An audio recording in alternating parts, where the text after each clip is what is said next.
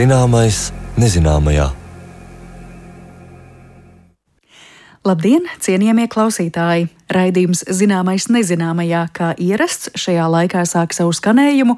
Ar jums kopā Mariona Baltkalne, raidījuma producente ir Paula Gulbīnska. Noteikti daudzi no mums jau šobrīd ārkārtīgi gaida pavasari un siltāku laiku, bet, kad pavasari nomainīs vasara, tad netrūks cilvēku, kuri karstumā fiziski jutīsies slikti un meklēs iespēju atvēsināties.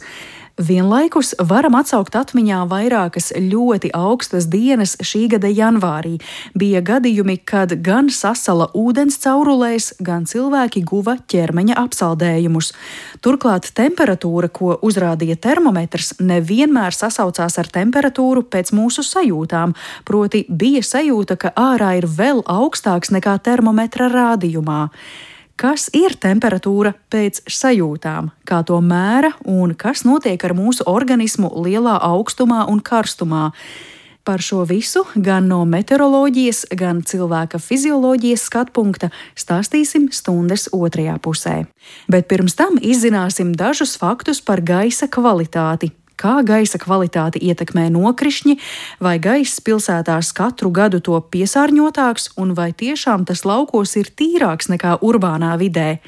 Latvijas vides, geoloģijas un meteoroloģijas centra speciāliste Aleksandra Kanišķeva skaidro, ka pat pļavā gaiss nav tīrs, jo Latvijā esam pakļauti pārrobežu piesārņojumam. Tas ir gaisam, kas atnācis no centrāla Eiropas un atnesis sev līdzi smalkas putekļu daļiņas.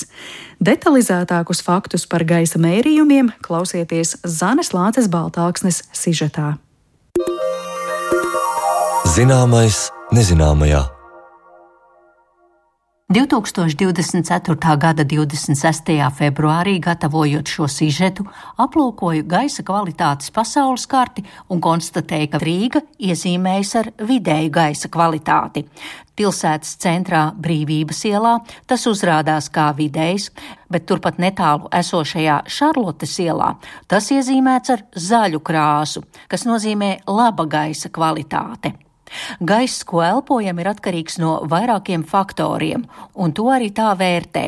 Kā attālināti ierakstītā sarunā stāsta Latvijas vidas geoloģijas meteoroloģijas centra monitoringa daļas vidas speciāliste Aleksandra Kanišķeva, tad ir pilsētas fona stacijas, kuras mēra vidējo statistisko gaisu, un transporta ietekmes stacijas, kas mēra, kāda ir gaisa kvalitāte noslogotās ielās, lielu autoceļu tūmā un pie gājēju ietvēm. Aparāti nosaka, cik lielā daudzumā ir smalkās putekļu daļiņas, ko cilvēks ielpo, mēra slāpekļa dioksīdu, tā ir viena no piesārņojošām vielām, ko izdala transporta līdzekļi, mēra oglekļa oksīdu, sēra dioksīdu un novēro arī ozona slāņa daudzumu. Bet gaiss tiek mērīts arī ārpus pilsētas. Ir mums vēl arī tāda stacija, lauku fona stacija, kur tās uzdevums, galvenais uzdevums šai stacijai ir noteikts, kāds ir bāzes līmenis piesārņojumam, kuram nāk klāt viss tas piesārņojums, ko mēs paši saražojam, jo gaiss viņš pat pļavā nav tīrs. Mēs esam Latvijā ļoti pakļauti tā saucamajam pārobežu piesārņojumam.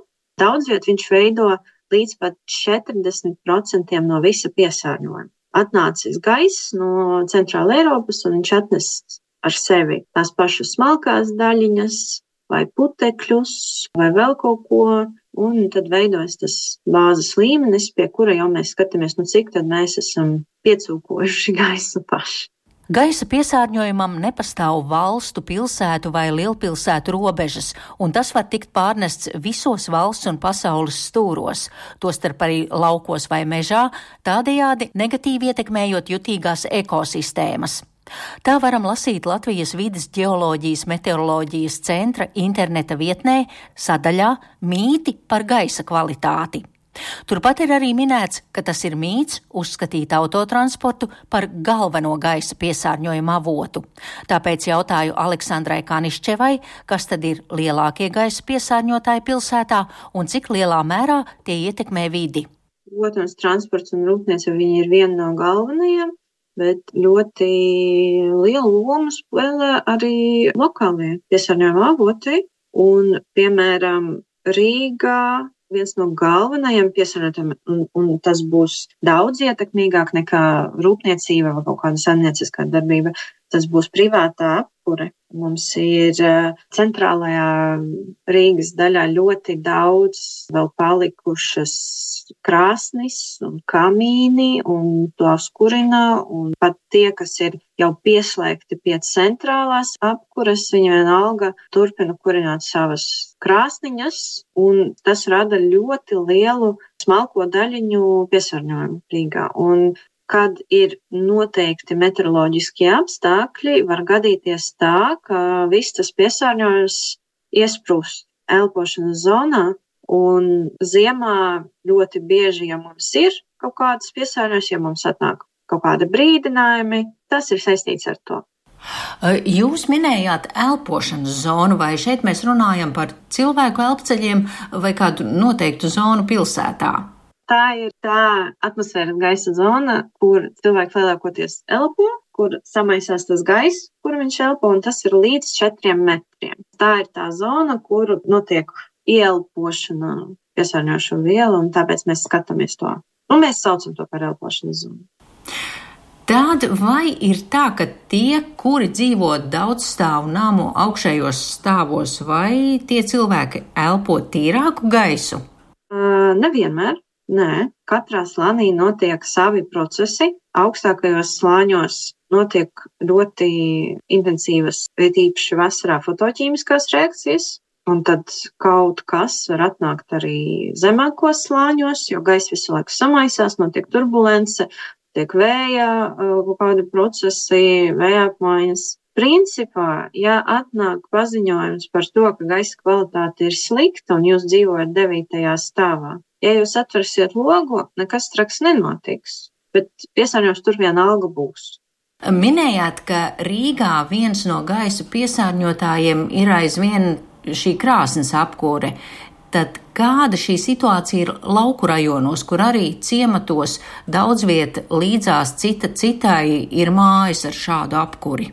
Jā, ļoti atkarīgs ir no tā, kāda tur tajā lauku apvidū ir apbūve. Ja viņi ir ļoti blīva un visi vienlaicīgi kurina kaut, kaut kādas dārzkopības, nezinu, tur man vectēvs dzīvo Jāņupē, un ja tur visi kurina un apkārt lielā tajā ciemā dzīvo, var sajust to piesārņojumu noteikti pat aiz pilsētas. Ļoti bieži iemesls ir nekvalitatīva degviela, vai nu tās ir briketes, granulas vai malka. Jā, mums tā ir diezgan liela problēma. Nekvalitatīva malka tas ir bieži tas, kas izraisa lielāko piesārņojumu. No Aleksandras Kanišķevas teiktā izriet, ka būtiski ir nevis ar kāda veida kurināmo sildām savus mājokļus, bet kādā kvalitātē tie ir. Un vēl Latvijas vidas geoloģijas un meteoroloģijas centra speciāliste bilst, ka svarīga ir regulāra dūmvadu tīrīšana. Skatot tālāk uz to, kā gaisa kvalitāti ietekmē laika apstākļi, uzzināsim, kā nokrišņi attīra gaisu. Gan lietus, gan sniegs noteiktā mērā viņi īslaicīgi attīra gaisu, jo uz pilieniem, uz mikropilieniem, uz tiem ūdens aerosoliem nosēžas gāzes, nosēžas tās piesārņojošās vielas aplī un izkrīt uz zemes. Bet nekur taču viņas nav pazudušas. Viņas izkrīt uz zemes, zeme izžūst, un viss tas piesārņojums, kuru lietus ir savācis atmosfērā, viņš atkal tiek pacelts gaisā. Tāpēc tas efekts attīrošs, viņš ir īslaicīgs. Kamēr ir mitrs, kamēr iet lietus, jā, būs labi. Kad izžūs, viss atkal tiek pacelts gaisā. Katrā sezonā ir sava specifika, kas ietekmē dominējošās tās piesārņojošās vielas, viņas atkarībā no sezonas mainās. Piemēram, ziemā mums tās būs smalkās daļiņas, kas tieši no privāta apkuras mums iet, no, no arī teciem, arī viņi, bet mazākā mērā. Tas ir, bet vasarā mums ir ozons, fotoķīmiskais smogs ar slāpekļa dioksīdu, saules starojuma ietekmē, kas arī ir diezgan nopietni. Un pateikt, man personīgi nepatīk izdalīt kaut kādu sliktāku vai labāku sezonu, jo par gaisa kvalitāti jārūpējas cauru gadu. Un, ja jūs esat riska grupās, jums ne tikai ziemā jādomā par to, kāds šodien ir gaiss, bet cauru gadu. Regulāri klausoties par globālām klimata izmaiņām un piedzīvojot tās arī dabā, mēs nereti to saistām arī ar gaisa kvalitāti. Bet tad ir jautājums, vai un kādā veidā šīs izmaiņas ietekmē gaisa tīrību vai netīrību, un kā var arī lasīt jūsu centra mājaslapā tas, ka katru gadu gaisa kvalitāte kļūst sliktāka, tas ir mīts. Protams, ka klimata pārmaiņu ietekmē gaisa piesārņojuma problēma kļūst aktuālāka, jo rodas tie meteoroloģiskie apstākļi, pie kuriem gaisa piesārņojums kļūst lielāks. Tā var notikt. Karstākas, sausākas vasaras, tad mums biežāk būs sliktāka gaisa kvalitāte. Ja mums notiek kaut kādi ekstremāli meteoroloģiski apstākļi ziemā, kas arī ir klimatu pārmaiņu efekts, mazāk zināms, tad arī tas var ietekmēt. Bet runājot par to otro daļu jūsu jautājuma, globālās tendences ir piesārņojums samazināties. Vienkārši ir tā, ka pēdējo gadu laikā mēs daudz, daudz vairāk intereses izrādām par šo sfēru, daudz runājam, daudz izglītošo materiālu parādījās, cilvēki interesējas. Bet tas, ka mēs par to plašāk runājam, tas nenozīmē, ka piesārņojums ir pieaudzis. Un arī viena lieta, kas arī mainās, ir likumdošana. Tās koncentrācijas kuras skaitās robežvērtības, pie kurām tur ir kaut kāds efekts uz cilvēku veselību un vidi, tas nemitīgi samazinās. Protams, tās izmaiņas likumdošanā notiek diezgan lēni, lēnāk nekā zinātniskais progress, kur mēs jau zinām, ka noteiktājās koncentrācijās jau zemās koncentrācija ir jau efekts. Tā likumdošana nedaudz nepaspēja tam progresam, bet noteikti tas ir. Un ko tas nozīmē, ir tas, ka paziņojumi par to, brīdinājumi par to, ka gaisa kvalitāte ir slikta, būs vairāk. Kaut arī gaisa kvalitāte ir labāka. Viņa uzlabojas, bet mēs zinām jau, ka ļoti zemās koncentrācijās var būt efekts. Tāpēc mēs vēl pazeminam un brīdināsim par to, ka jārūpējas par savu drošību jau pie daudz zemākām koncentrācijām. Bet tas nenozīmē, ka visur piesārņojums ir pieaudzis. Attīstoties tehnoloģijām un novērtēšanas metodēm, ir iespējas precīzāk un efektīvāk noteikt piesārņojuma līmeņus, bet tas nenozīmē, ka līdz šim situācija bija labāka un piesārņojums ir parādījies pēkšņi. Tā ir teikts Latvijas vidas geoloģijas meteoroloģijas centra interneta vietnē. Un kā bilst šī centra vides speciāliste Aleksandra Kanišķeva, tad tagad tiek rakstīta jauna gaisa direktīva, un tajā parādīsies jauni parametri, par kuriem tiks informēta sabiedrība, ka gaisa kvalitāte ir slikta, bet tas nenozīmē, ka tā ir kļuvusi sliktāka. Vienkārši vides speciālisti zina, ka jau pie daudz zemākām piesārņojuma koncentrācijām izpaužas tā negatīvais efekts.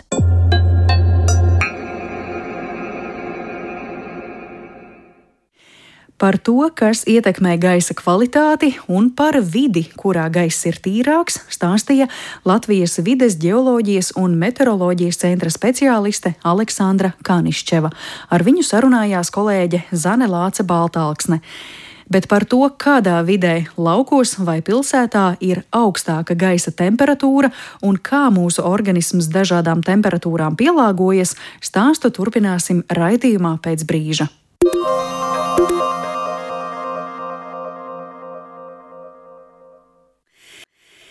Nav sliktu laikapstākļu, ir cilvēka ķermeņa grūtības pielāgoties tiem. Mūsu sajūtas nevienmēr sakrīt ar termometra stabiņā redzamo.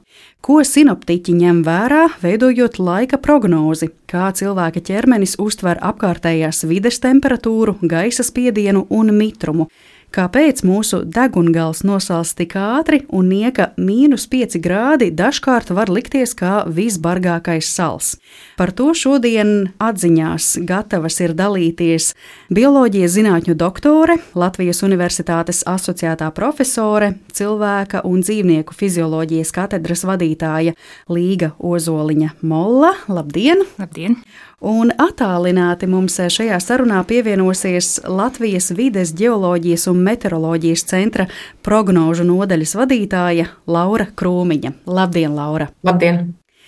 Vispirms tad arī vēršu skatu jūsu, Laura, virzienā, jo mēs, nu, varētu teikt, vēl visai nesen, janvāra sākumā pieredzējām lielu salu tādus pamatīgus mīnusa grādus, bet interesanti, ka paskatoties vietālrunī, kāda tad tajā brīdī ir temperatūra ārā, tur bija rakstīts, ka patiesā temperatūra nu, ir piemēram mīnus 15 grādi, bet pēc sajūtām, pēc ķermeņa sajūtām tā varbūt ir vēl zemāka - mīnus 19 grādu. Es tā aptuveni tagad saku. Tad jautājums, ko nozīmē šī temperatūra pēc sajūtām? Kā to vispār aprēķina, vai tas ir kaut kāds oficiāls rādījums, ko tiešām lieto meteorologi ikdienā? Jā, tā ir reāli notiek, ja dzīvē mēs to saskaramies, un mēs arī gatavojam šādas te prognozes. Gan tātad tiek izmērīta ar termometru šī te gaisa temperatūra, kāda ir atbilstoši visiem fizikas likumiem, un tad jau izmantojot dažādas formulas, tiek rēķināta atkal šī sajūtu temperatūra. Un tātad šī sajūtu temperatūra vairāk raksturo tiešām šo uztveri, sajūtu līmeni, kā cilvēks jutīs uh, konkrētajā situācijā. Un tas vairs nebūs atkarīgs tikai no gaisa temperatūras, bet te tie galvenie papildu faktori, kas ietekmē šīs sajūtas, patiesībā ir divi. Tātad viens ir vēja stiprums, un sevišķi būtiski tas šo sajūtu temperatūru izmaina gadījumos, kad ir sals un arī stipra sala apstākļos, kā jūs minējāt par janvāra sākumu. Un otrs parametrs, kurš ļoti maina šo mūsu sajūtu attiecībā pret gaisa temperatūru, ir gaisa mitrums. Un tam atkal lielāka ietekme ir uz apstākļiem, kad ir karsts laiks, kad ir augsta gaisa temperatūra. Tātad tie ir tie divi parametri. Jā, un piemēram arī mūsu mājaslapā, Latvijas vidas geoloģijas meteoroloģijas centra mājaslapā, ir pieejama arī šī prognozētā sajūtu temperatūra. Ne tikai, teikt, tāda klasiskā ierastā gaisa temperatūra.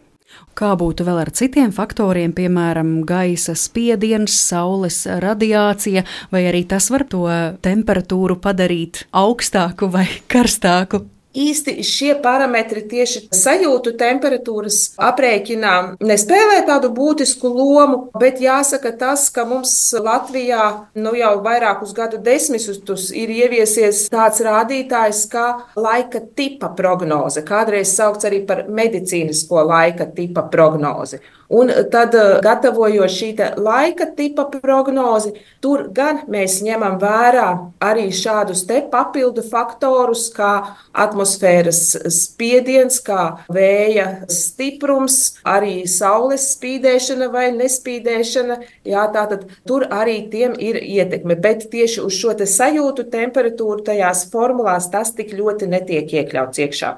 Sakiet, vai tas, ko jūs domājat ar medicīnisko laika prognozi, tas ir tas pats, ko reizēm arī laika ziņās mēs varam dzirdēt kā labvēlīgas un nelabvēlīgas laika prognozes. Mums reizēm, starp citu, radio klausītāji zvana un sūdzas, nu vai jūs vienkārši nevarat pateikt uh, laika tipu pirmais, otrais, trešais? Nu, kāpēc jums cilvēkus ir jāsarūktina ar tiem vārdiem labvēlīgs un nelabvēlīgs?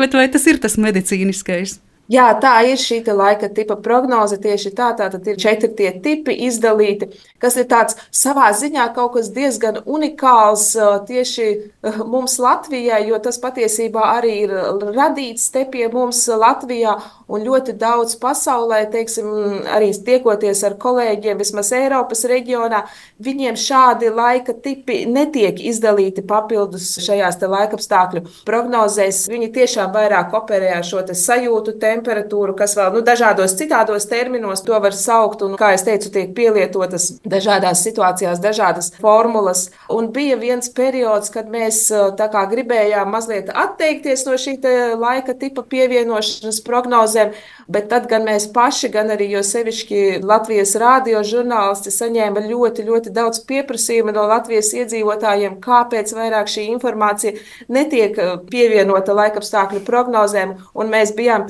spiesti pie tā atgriezties un joprojām tātad to turpināt darīt.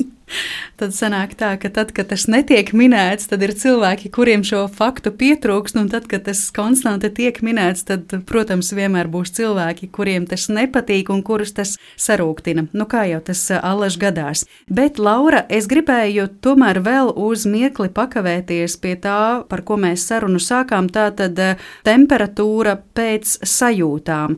Kas tad konkrēti cilvēka fizioloģijā tiek ņemts vērā, ja ir šis lielais vējš vai lielais mitrums, tiek mērīts tas, kā cilvēks, piemēram, atdziest, atdot siltumu, dzēsējas, kā tas iet roku rokā ar cilvēka ķermeni. Tā ideja jau tieši tāda arī ir. Tad, kad sala apstākļos pūš stiprs vējš, mums ir nepieciešams biezāks, blīvāks apģērbs, kas pasargā mūsu ķermeni, lai tas siltums, kuru uztur mūsu ķermenis, lai tas, nu tā vienkārši runājot, netiktu uzreiz aizpūsts projām. Tātad, lai tas saglabātos un lai mēs varētu justies eh, silti un komfortabli tādos apstākļos. Un kādreiz, kad ir praktiski bezvējš stipra sala apstākļos, tātad nav vajadzīgs tik ļoti silti saģērbties vai, teiksim, tas vēju pasargājošais apģērbs nav tik ļoti kritisks, lai mēs justos ārā komfortabli, varētu kustēties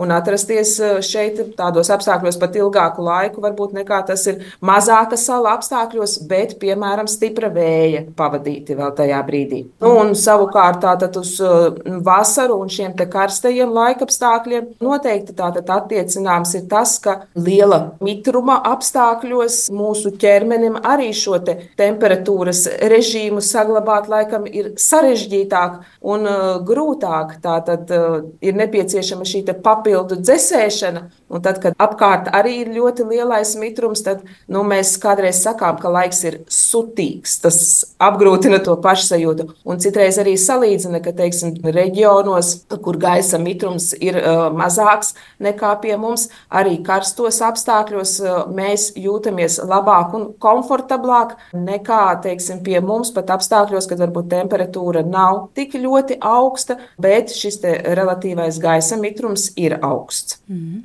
Līga, tad es nojaušu, ka šeit stāsts ir par to, kāda slodze būs mūsu termoregulācijas sistēmai. Vai tai vajadzēs mūs pastiprināti sasildīt vai atdzesēt, un attiecīgi kādu apģērbu mēs izvēlēsimies. Tur ir tās atšķirības temperatūrai kaut kur ekrānā un tam, kā mēs jūtamies. Ja?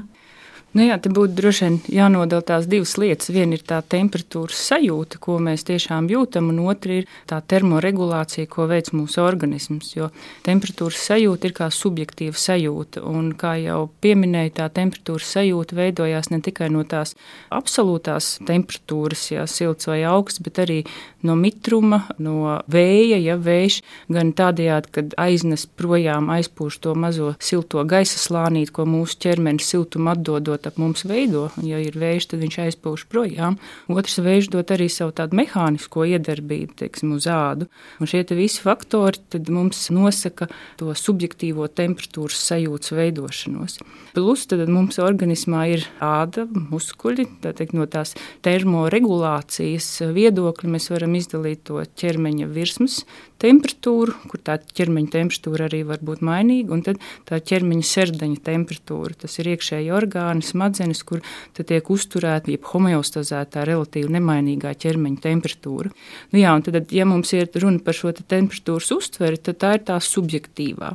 Bet par temperatūras regulāciju, temperatūras regulāciju tur mums ir atbildīgs tāds smadzenēs, starpsmadzenēs hipotalāms, ja, kurš ir tas augstākais priekšnieks temperatūras regulācijai. Un tas savukārt saņem informāciju gan no ķermeņa virsmas audiem, ja no tiem perifēriem receptoriem, gan arī no organisma iekšējās vides, ja no temperatūra. Un pie tam asinis ir tā labā vide, kas ir kopīga visam organismam, un asins plūst caur hipotalām, tur nofiksē šo kopējo teikt, ķermeņa temperatūru. Un atbildē uz to mūsu hipotalāms veido tās termoregulācijas reakcijas. Nu, ja ir šī sajūta, ne tikai subjektīvā sajūta, bet tā objektīvā sajūta, kad uh, draudz ķermeņa temperatūras atdzišana, nu, tad ieslēdzās tie mehānismi, lai organismu sildītu. Nu, pirmkārt, sildīšanai nu, ir tās neapzinātās reakcijas, tā ir asinsvadu, ādas asinsvadu sašaurināšanās, jo āda un gļotādas ir tā virsma, caur kuru mēs siltumu atdodam. Ja mēs sašaurinām asinsvadus, tad uzreiz tā siltuma atdeve samazinās vai arī muskuļu trīce. Ja muskuļu trīces gadījumā tad praktiski mūsu muskuļos veidotā enerģija viss tiek transformēta siltumā. Savukārt, ja ir pārāk silts un mums draud organisma uzkaršana, kas arī nav labi, nu, tad ieslēdzās tās pretējās termoregulatorās reakcijas. Ādas asinsvadu paplašinās, sviedru sekrēcija palielinās, jo sviedrēšana ir arī viens no siltuma atdeves veidiem šajā evaporācijas ceļā. Tad mums arī veidojās nu, tās subjektīvās sajūtas un mūsu uzvedības reakcijas. Ja mēs metam kaut ko nost, mēģinām atdzesēties, un pirmkārt atdzesēties teikt savus distālās punktus, tie ir eh, plaukstas un pēdas un varbūt seju mitrinām. Tie ir tie mūsu tā teikt radiatori, kurus vai nu mēs varam apsekt, un tad mēs sildamies, vai nu mēs viņus dzesējam. Tad mēs arī nu, pasargājam sevi varbūt no tādas uzkaršanas. Mm. Tad tas eh, galvenais, kā jūs teicāt, priekšnieks, centrs mūsu smadzenēs, kas rūpējas gan par to, lai mēs neatdzistu, gan par to, lai mēs nepārkārstu, ir hipotalāms. Tātad vienalga vai temperatūra krītas vai paaugstinās, hipotalāms būs vienmēr tas, kurš visas tās reakciju ķēdes organismā tālāk iedarbinās. Atcerējos, vēl taču arī augstumā mums matiņi vienmēr paceļas, jā, tad arī to visu noteiks hipotalāms. Jā, jā, jā. jā, jā, šis būs tas tā teikt priekšnieks, kuram ir tā pāraudzība par siltumu, ja, nu, to temperatūru gan cirkulācijā asinīs, gan arī perifērijā audos, jo tad pirmkārt jau nāda un muskuļi Tad, tad tas noteikti šīs te termoregulatorās reakcijas pirmkārt. Bet, protams, ja mums ir tās sajūtas, silts vai augsts, mums jau arī ar uzvedību. Ja? Ar uzvedību vai nu apģērbu velkam virsū, sildoties vai metam nost, vai arī nu, nezinot īsti mums fizioloģiju, mēs intuitīvi jūtam, ja mums ir augsts, tad mēs sākam kustēties. Jo zinām, tad, kad mēs kustamies, mums palielinās siltuma produkcija, ja? siltuma veidošana. Jo tā, teikt, tā neitrālā temperatūra tiek uzturēta, ja līdzsver pārsvarā ir siltuma atdeve ar siltuma veidošanu organismā. Un mēs varam tā teikt, pieregulēt apzināti gan vienu, gan otru, bet, protams, primāri to regulē neapzināti tas mūsu hipotalāms. Mm.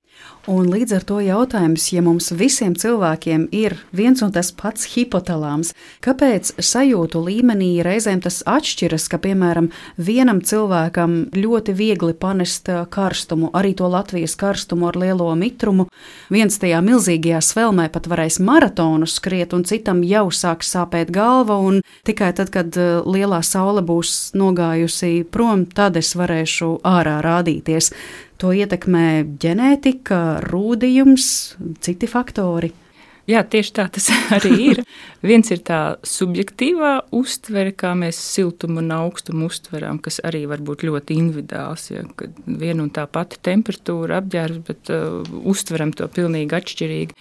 Bet otrs ir tas uh, teikt, fizioloģiski, ko mēs tiešām varam panest un paciest.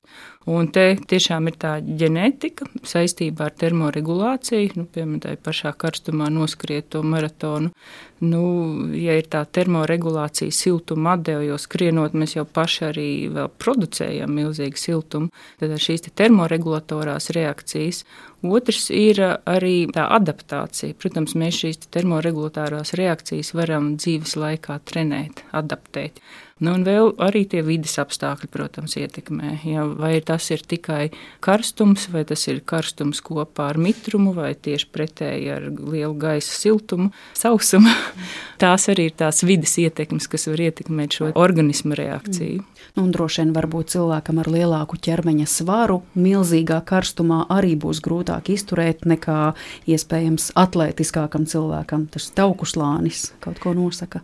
Jā, ar to tauku slāni ir tā. Tauku slānis pats darbojās kā izolējošs slānis. No vienas puses, man uzreiz kā dzīvnieku, arī fiziologam gribās salīdzināt nu, arktiskajos apstākļos dzīvojošos dzīvniekus. Roņi un pingvīni tur bez tā kažoka vēl ir tas biezais tauku slānis, kas ir izolējošs, ja iekšējos orgānus aizsargā. Bet no otras puses, tauki, nu, zemādas taukādi, viņi nav baigi labi apasiņotie. Ja?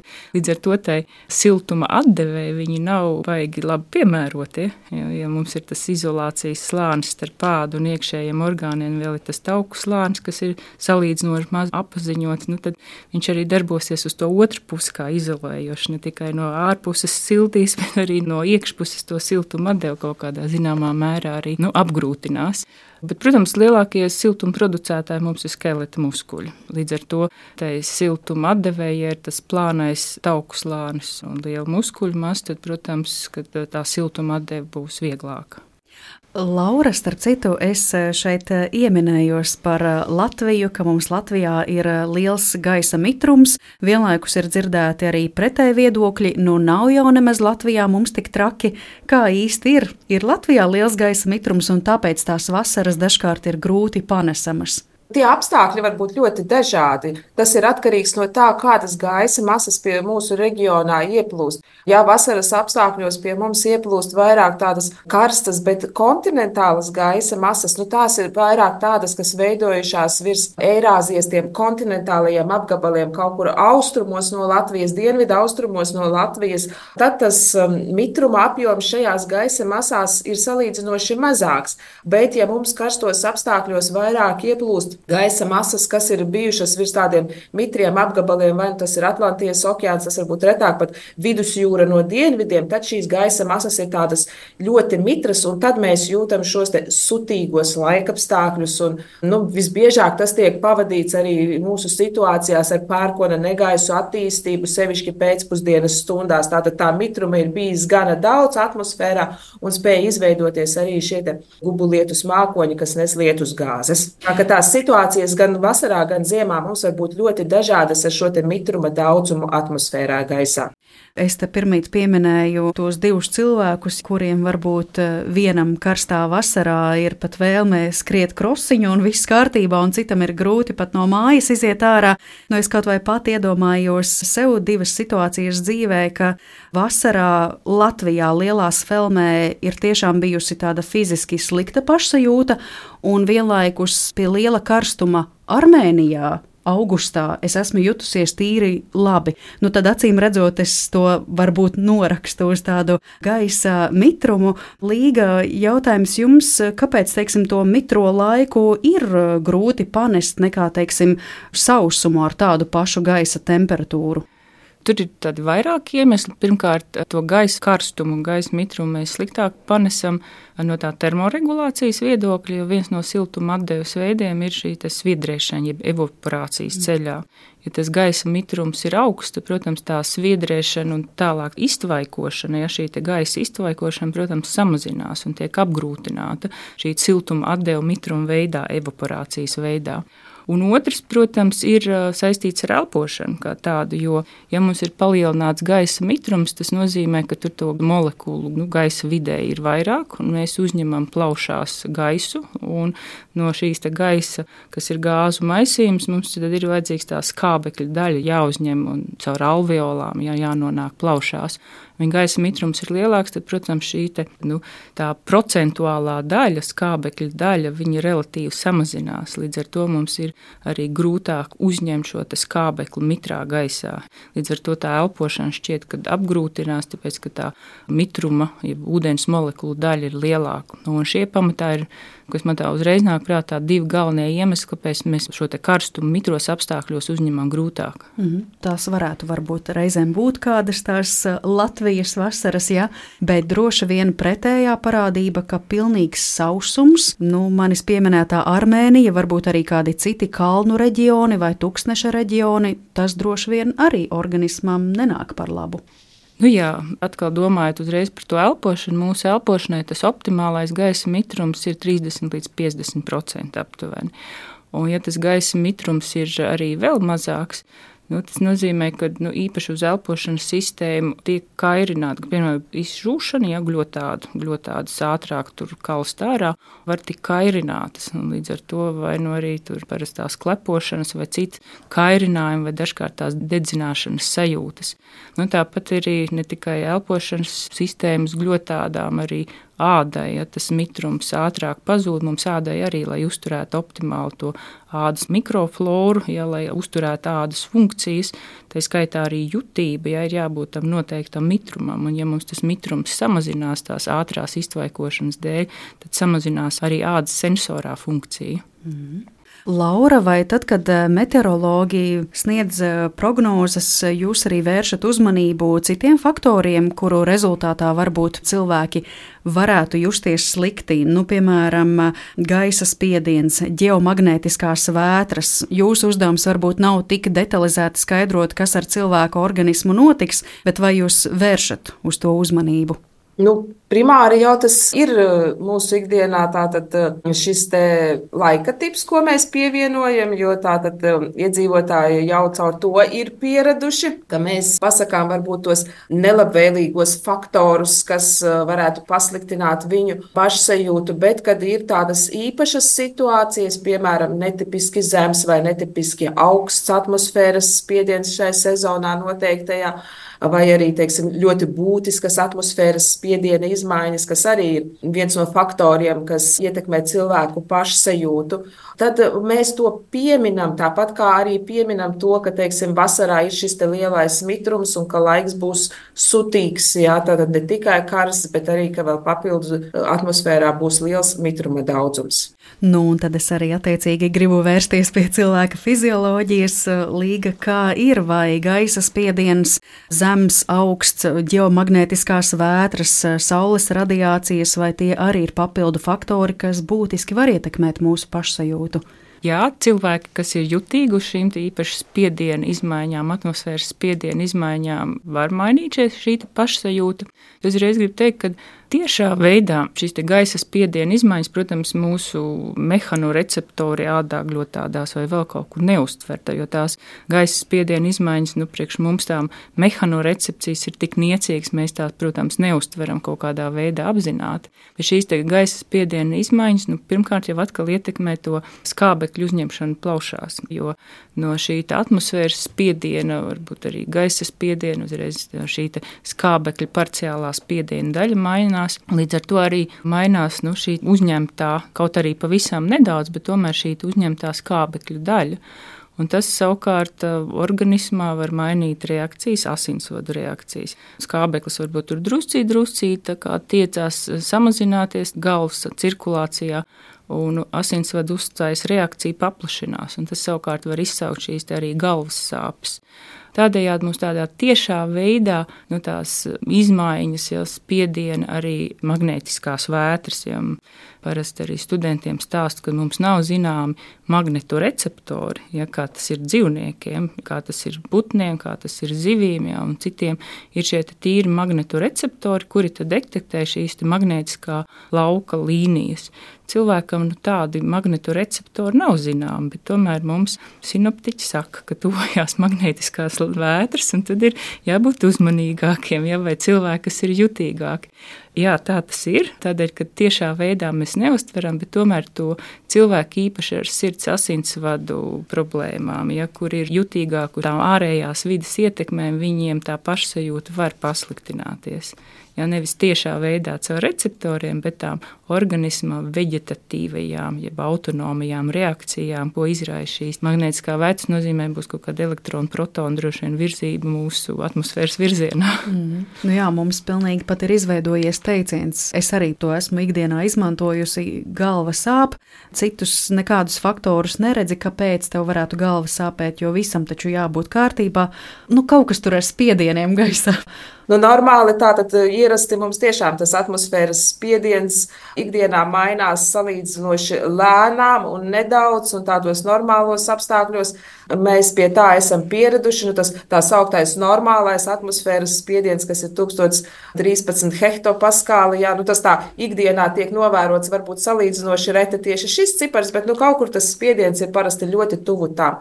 Bet tad, kad mums atmosfēras spiediens paaugstinās, piemēram, līdz 1040 hektopaskāliem, atsevišķos gadījumos pat 1050 hektopaskāliem, droši vien ir cilvēki, kas jā, nespēja tam tik ļoti adaptēties, un tas nav tas ierastais atmosfēras spiediens, kas tiek novērots. Bet, ja šāds atmosfēras spiediens saglabājoties ilgāku laiku, teiksim, nedēļas garumā, mums laikapstākļus nosaka stabils, tāds spēcīgs anticiklons, kā mēs sinaptiķi sakām, jā, tad jau atkal cilvēku organisms adaptējoties tam un vairāk tik ļoti nejūt šo ietekmi uz savu organismu. Nu, tas pats ir jāsaka par zemu atmosfēras spiedienu. Jā, tātad, kad mums atmosfēras spiediens pazeminās zem 970, 960 hektopaskāliem, tad atkal tas ir kaut kas tāds ļoti neierasts, kas ļoti reti tiek novērots. Un, nu, jā, mēs sinoptiķi varbūt mazāk informējam un vēršam uzmanību uz geomagnētiskajām vētrām, kas varbūt nav saistītas ļoti ar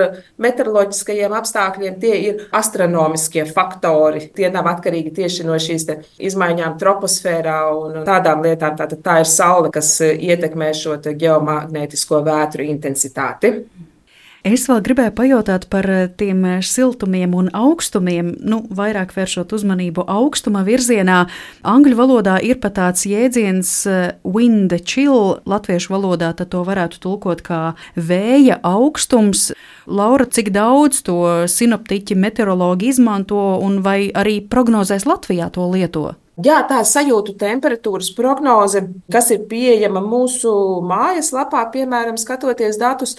Un tātad, tad, kad ir šī zemā gaisa temperatūra, tad tieši tiek izmantots šis chill, jeb vēja dzestruma indeks, kas tiek aprēķināts un dots šim te temperatūru diapazonam. Un tas ir tātad temperatūrām, kad tās ir zemākas par plus 10 grādiem. Savukārt, tātad, tad, kad gaisa temperatūra ir augsta, tad te pamatā tiek izmantots karstuma indeks augstajām gaisa temperatūrām Un tad pa vidu šim diapazonam, savukārt tiek izmantots tāds indeks, kas tiek saukta par šķietamo temperatūru, jeb apparent temperature. Tātad trīs dažādi indeksi tiek sakombinēti dažādiem apstākļiem. Tad sanāk, mēs... Lai mēs iegūtu to sajūtu temperatūru. Tātad mēs atkal runājam par to, cik mums šķiet, ka varētu būt augsts vai karsts. Ja?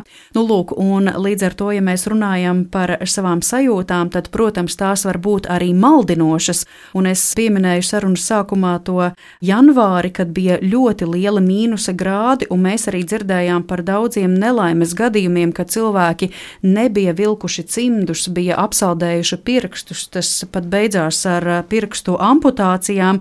Tāpēc, ja atkal pie fizioloģijas pakavējamies, tad līga, cik vispār šādos lielos mīnusa grādos, nu tur varbūt ir grūti novilkt precīzi to robežu, bet cik ilgi var būt tāda neapstrādāta neapsektā āda, cik ātri mēs varam apsaldēt pirkstus, degunu.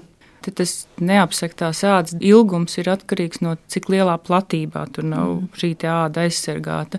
Tie augstumi jutīgākie punkti ir tiešām tās mūsu teikt, ķermeņa distālās daļas, ja, kas atrodas tālāk. Pirmkārt, Tās, kuras tajā, mēs karstumā gribam dzēsēt. Jā, tieši tā. Un te ir interesanti, ka tie augstuma punkti, jeb tas augstuma receptoru blīvums ir lielāks tieši sejas ādā, pirkstos un arī pēdās, jā, tad pirkstu galos. Ā, un aus, aus slipiņā arī. Daba jau ir iedevusi, ka tur ir vairāk, tad, tās vietas ir jāsargā, jo tās var arī vieglāk apsaldēt. Nu, tas apsaldējums ir saistīts arī ar to mūsu cirkulāciju, ja, jo tās mūsu asinis nes un ādu silda, bet ja siltuma atdeve ir tik liela vai tā apkārtējā temperatūra iedarbojās tā, ka vairs organisms nevar kompensēt, nu, tad ir slikti. Ja. Tad draudz šie apsaldējumi. Katrā gadījumā tas mitrums arī ietekmē. Ja tas mitrums būs lielāks, augstums un mitrums, tad tas apsaldējums varbūt arī ātrāk var tikt iegūts. Nu, tā kā tādus konkrētus skaitļus baidīšos nosaukt, katrā gadījumā ir jāsargā tiešām tās distālās daļas, jo tās ir visvairāk pakļautas šeit apsaldēšanas iespējām. Un droši vien liels augstums, kas var iet kombinācijā arī ar mitrumu, vēju. Tas jau skar arī mūsu elpceļus? Elpceļus, tāpat mēs zinām, degunā salīp matiņi. Jā, tieši tā. Nu, ja ir augstums, tad pirmkārt jau mūsu elpceļi sašaurinās. Jā, īpaši, piemēram, cilvēkiem, kam jau tāpat ir tā noslēdz vai asmātiskas pazīmes, tad šis lielais augstums nu, var izsaukt elpceļu sašaurināšanos, līdz ar to arī varbūt ir kaut kādas arī reakcijas, ja kairinošās reakcijas. Apceļu sašaurināšanās uzreiz arī nozīmē šo gaisa plūsmas uz plaušām pazemināšanos. Tad tie ir arī faktori, kas ietekmē mūsu pašsajūtu. Mm -hmm. Mūsu sarunas noslēgumā es vēl gribētu jautāt jums par vēl vienu citu sajūtu parādību, vai varbūt tā patiešām arī ir. Daudzi cilvēki saka, ka laukos un pilsētā gaisa temperatūra atšķiras. Es pati, nu varbūt arī to tādā sajūtu līmenī esmu uztvērusi, ka, piemēram, no pārdaugavas ar vilcienu iebraucot Rīgas centrālajā dzelzceļa stacijā, tiešām šķiet, ka ir siltāks. Varbūt to visu rada arī tas, ka tur ir vēl daudz citu vilcienu un satiksmes un cilvēku un tā tālāk. Bet eh, vai tā patiešām arī ir, ka no pilsētas aizbraucot varbūt uz attālākiem laukiem, tā temperatūra patiešām mainās? Pilsētas vide ietekmē gaisa temperatūru noteikti gan sala apstākļos, gan arī karstuma apstākļos. Un ņemot vērā, ka mums vēsturiski ir izveidojusies eh, situācija, ka mums ir viena no meteoroloģisko novērojumu stacijām izvietota tieši pilsētas centrā, tā ir tā saukta Latvijas Universitātes meteoroloģisko novērojumu stacija. Gaisa temperatūra tiek mērīta pilsētas pašā pašā centrā, Kronvalda parkā. Tad mēs varam salīdzināt ar apkārtnē esošo un secināt, jā, vasarā, kad ir karsti laikapstākļi, tā pilsētas vide nodrošina to, ka gaisa temperatūra vairāk paaugstinās, gaiss vairāk uzkars šajā teritorijā. Un, protams, tad ir ļoti, ļoti nozīmīgs tas, nu, kā pilsēta pati par sevi veidota, vai, teiksim, šeit mies kaut kādas zaļās zonas ar apbūvētajām teritorijām, ar asfaltētajām ielām, jo nu, tas ir tīri pēc fizikas. Tātad šis melnais asfalts vairāk absorbē šo siltumu, vairāk uzkarst nekā, piemēram, parks, kur būs būs zaļa zāle, tātad šeit nenotiks tik ļoti gaisa uzsilšana. Un tajā pašā laikā, tātad, ja mums dienā var būt bieži vien šie rekordi tieši Rīgā, tad atkal arī naktīs savukārt gaisa atdzišana šajā pilsētas vidē notiek lēnāk nekā tas notiek kaut kur ārpus pilsētas, jo visas šīs ielas, ēkas, tās dienas laikā ir uzņēmušas siltumu Savukārt naktī tā, tas, tās nepaspēja tik ļoti atdot to siltumu, lai tā temperatūra pazeminātos un kļūtu līdzvērtīgāka kaut kur apkārtējām teritorijām. Tas pats arī nu, kaut kādā mērā līdzīgi ir ziemas situācijās. Tātad pilsētas centrā ēkas, visa mūsu infrastruktūra nodrošina to, ka ziemas laikā gaiss, ja nav papildu faktoru, piemēram, tāds vējš, tādos mierīgos apstākļos temperatūra tik ļoti daudz nepazeminās, nekā tas ir ārpus pilsētas. Un kādreiz šī atšķirība ziemā ir fiksēta pat vairāk nekā 10 grādi starpības starp piepilsētu un pašu Rīgas centru, kur mums tātad tiek veikti šie mērījumi.